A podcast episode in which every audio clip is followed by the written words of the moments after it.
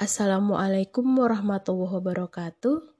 Kembali lagi pada mata kuliah pengantar tes psikologi pertemuan keempat. Kali ini kita akan membahas mengenai validitas dan reliabilitas. Validitas, apa itu validitas? Validitas yaitu mengakses akurasi tes. Sebuah tes yang valid adalah tes yang mengukur dengan akurat variabel yang dimaksud untuk diukur.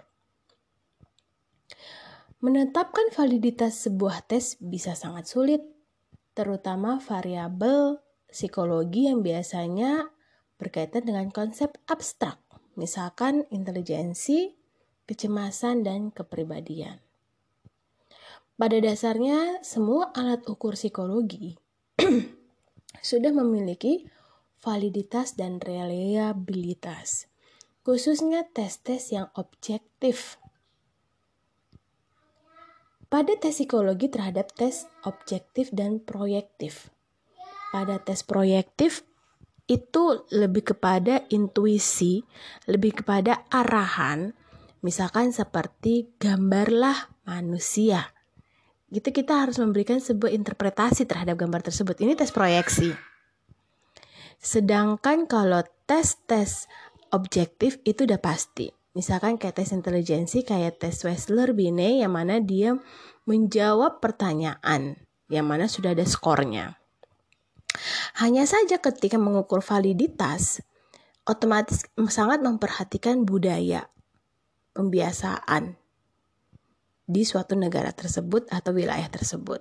Nah, pada tes-tes psikologi, validitas dan reliabilitas tes itu sudah dilakukan di Indonesia sesuai dengan budaya di Indonesia.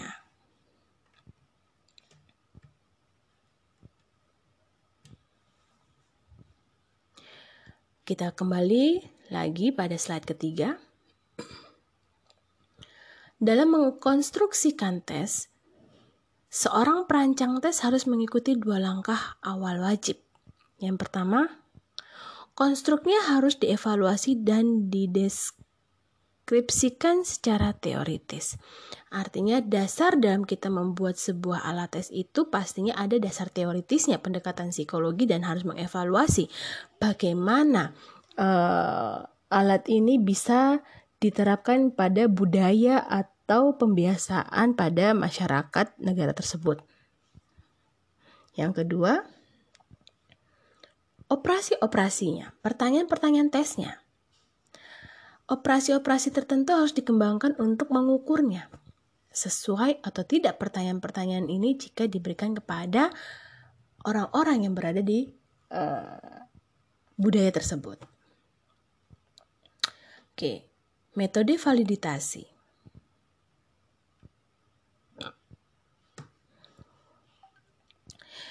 Metode validitasi itu ada tiga metode utama yang menetapkan validitas. Yang pertama, isi atau konten. Bagaimanakah isi dari tes tersebut? Bagaimana kriteria dari validitas itu? Dan bagaimana uh, konstruknya dalam uh, alat tersebut yang akan dirancang? Itu sangat diperhatikan. Sehingga tidak serta-merta alat ukur itu kita bisa gunakan misalkan kayak alat ukur yang ada di uh, dunia maya di internet. Kadang-kadang ada yang bertanya itu kan tes psikologi. Tidak semudah itu karena tes-tes psikologi baik yang manual tes yang disajikan secara online maupun offline itu sudah ada standarisasi metode dalam validitasi. Melihat isinya kriteria kriterianya dan juga konstruknya hanya pelaksananya yang berbeda, ada yang secara online, ada yang secara offline. Dan jika ada alat-alat ukur yang diberikan atau didapatkan oleh teman-teman di dalam dunia maya, dicari lagi, ini tes apa? Siapa yang bertanggung jawab? Apakah di bawah pertanggungjawaban psikolog atau tidak? Itu harus diperhatikan. Apa sih validitas isi itu? Yaitu hal yang pertama dipikirkan oleh pengembang tes otomatis isinya kon isinya tuh apa kontennya tuh apa mau tentang apa ini Oke, misalkan isinya pada tes intelijensi mengembangkan kemampuan berbahasa. Bahasa seperti apa yang harus kita isi, yang harus kita lihat validitasnya. Gitu. Validitas isi mengacu pada representativitas dan relevansi instrumen asesmen dengan konstruk, yaitu seperangkat ide yang tidak dapat diukur secara langsung, misalkan kepribadian. Pada tes kepribadian, misalkan pada gambar manusia, ini nggak bisa diukur secara langsung karena ini sangat uh, proyektif, tes proyektif. Dia memproyeksikan diri dia sehingga ada sebuah arahan-arahan ke saya ikut pelatihan tes proyeksi itu arahan-arahan apa yang dilihat otomatis yang dilihat konten dari isinya ya apa konten dari gambarnya tersebut preposisinya ada sebuah arti-arti tertentu, yang mana sudah ada eh, background atau eh, dasar teorinya begitu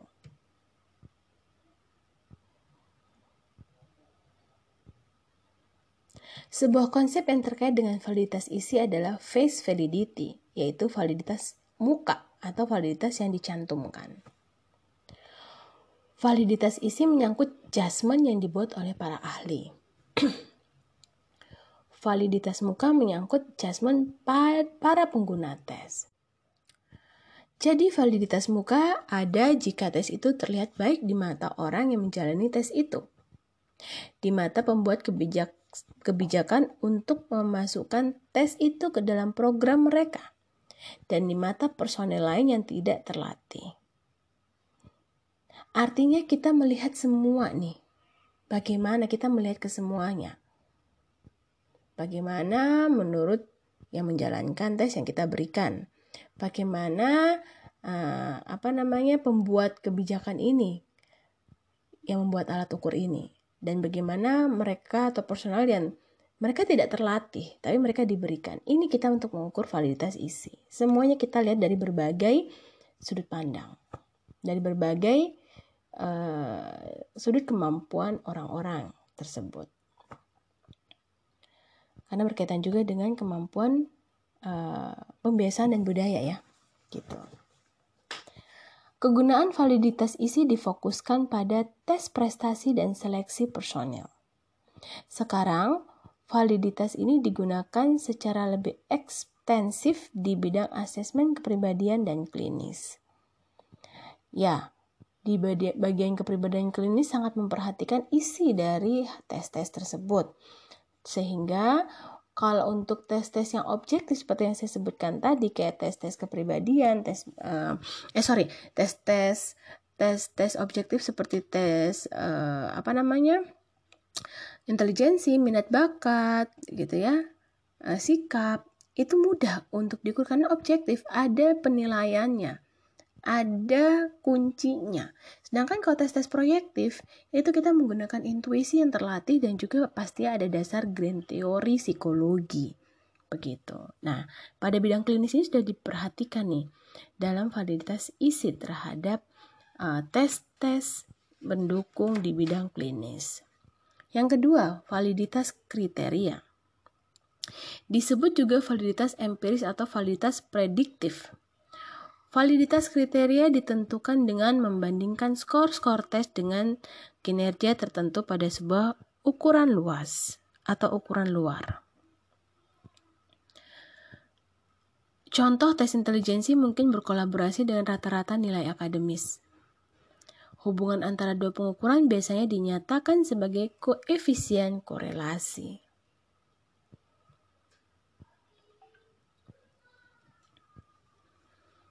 Validitas kriteria sangat sering dibagi menjadi concurrent validity atau validitas berdasarkan persetujuan.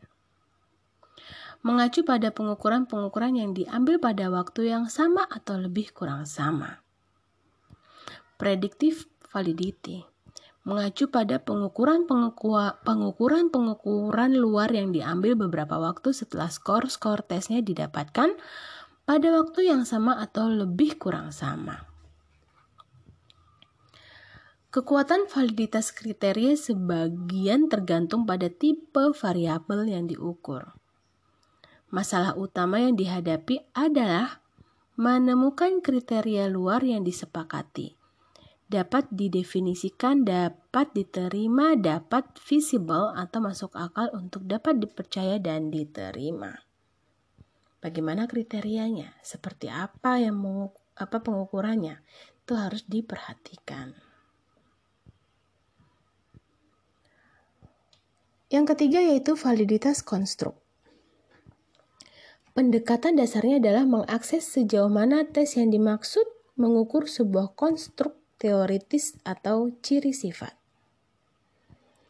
Asesmen ini melibatkan tiga langkah utama. Yang pertama, konstruktor tes harus melakukan analisis yang teliti terhadap ciri-ciri sifat-sifat yang diukur. Yang kedua, mempertimbangkan bagaimana hubungan ciri sifat itu dengan variabel-variabel yang lain. Perancang tes perlu menguji apakah hubungan-hubungan yang hi dihipotesiskan benar-benar ada. Jangan diada-adakan. Itu nanti tidak valid, tidak sesuai dengan kondisi individu dan pengetesan. Metode lain yang digunakan uh, dalam validitas konstruk.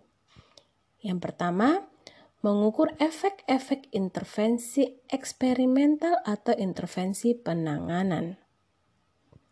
Yang kedua, mengestimasi derajat konsistensi internal dengan mengkorelasikan subtes-subtes tertentu dengan skor tes totalnya. Yang ketiga, mencapai validitas konstruk adalah sebuah tes harus berkonvergensi atau berkorelasi tinggi dengan variabel yang secara teoritis serupa. Sekarang kita masuk pada reliabilitas. Reliabilitas suatu tes berujuk be, merujuk pada stabilitas, konsistensi, daya prediksi, dan akurasi. Dua isu utama yang berhubungan dengan derajat kesalahan dalam sebuah tes. Yang pertama, variasi alamiah dan tak terhindar dalam kinerja manusia. Yang kedua, berhubungan dengan reliabilitas yaitu metode-metode testing psikologis tidak tepat persis. Kembali lagi karena yang diukur adalah manusia, bukan benda atau barang. Sehingga butuh sekali diperhatikan isu utama. Ada empat metode primer untuk mencapai reliabilitas.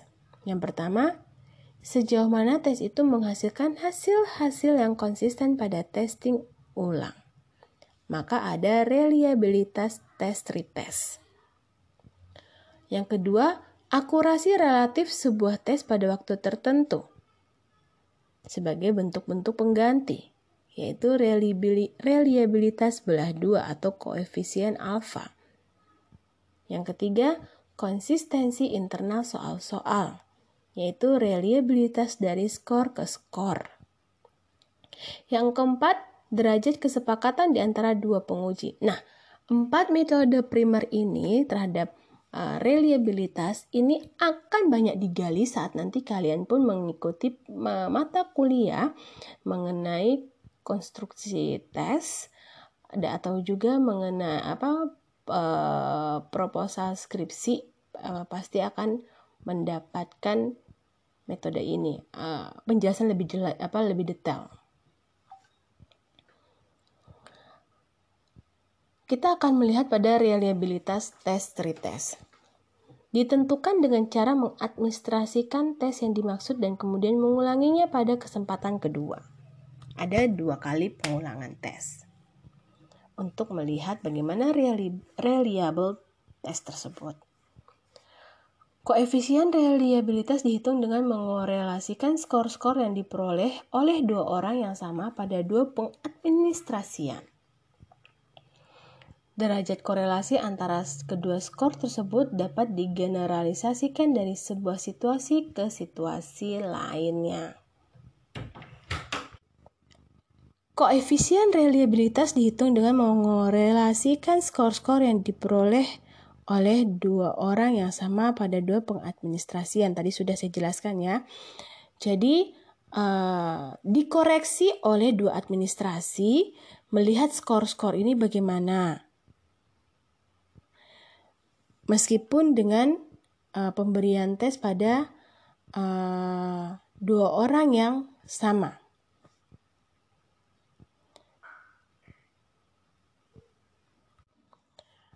Derajat korelasi antara kedua skor tersebut dapat digeneralisasikan dari sebuah situasi ke situasi yang lain.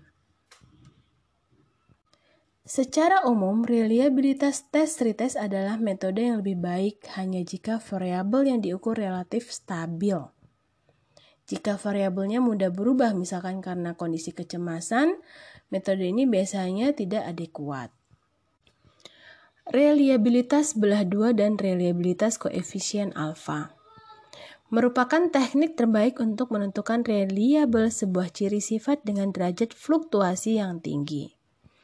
Metode belah dua dan koefisien alfa memberikan ukuran konsistensi internal soal-soal tes dan bukan stabilitas temporal dari perbedaan pengadministrasian untuk tes yang sama. Reliabilitas antar skor pada sebagian tes, scoring didasarkan pada judgment examiner. Oleh karena itu, judgment bisa bervariasi antar skor. Seseorang yang mendapatkan skor dalam tes, yang satu dengan skor yang lain sehingga penting untuk mengakses sejauh mana reliabilitasnya terpengaruh.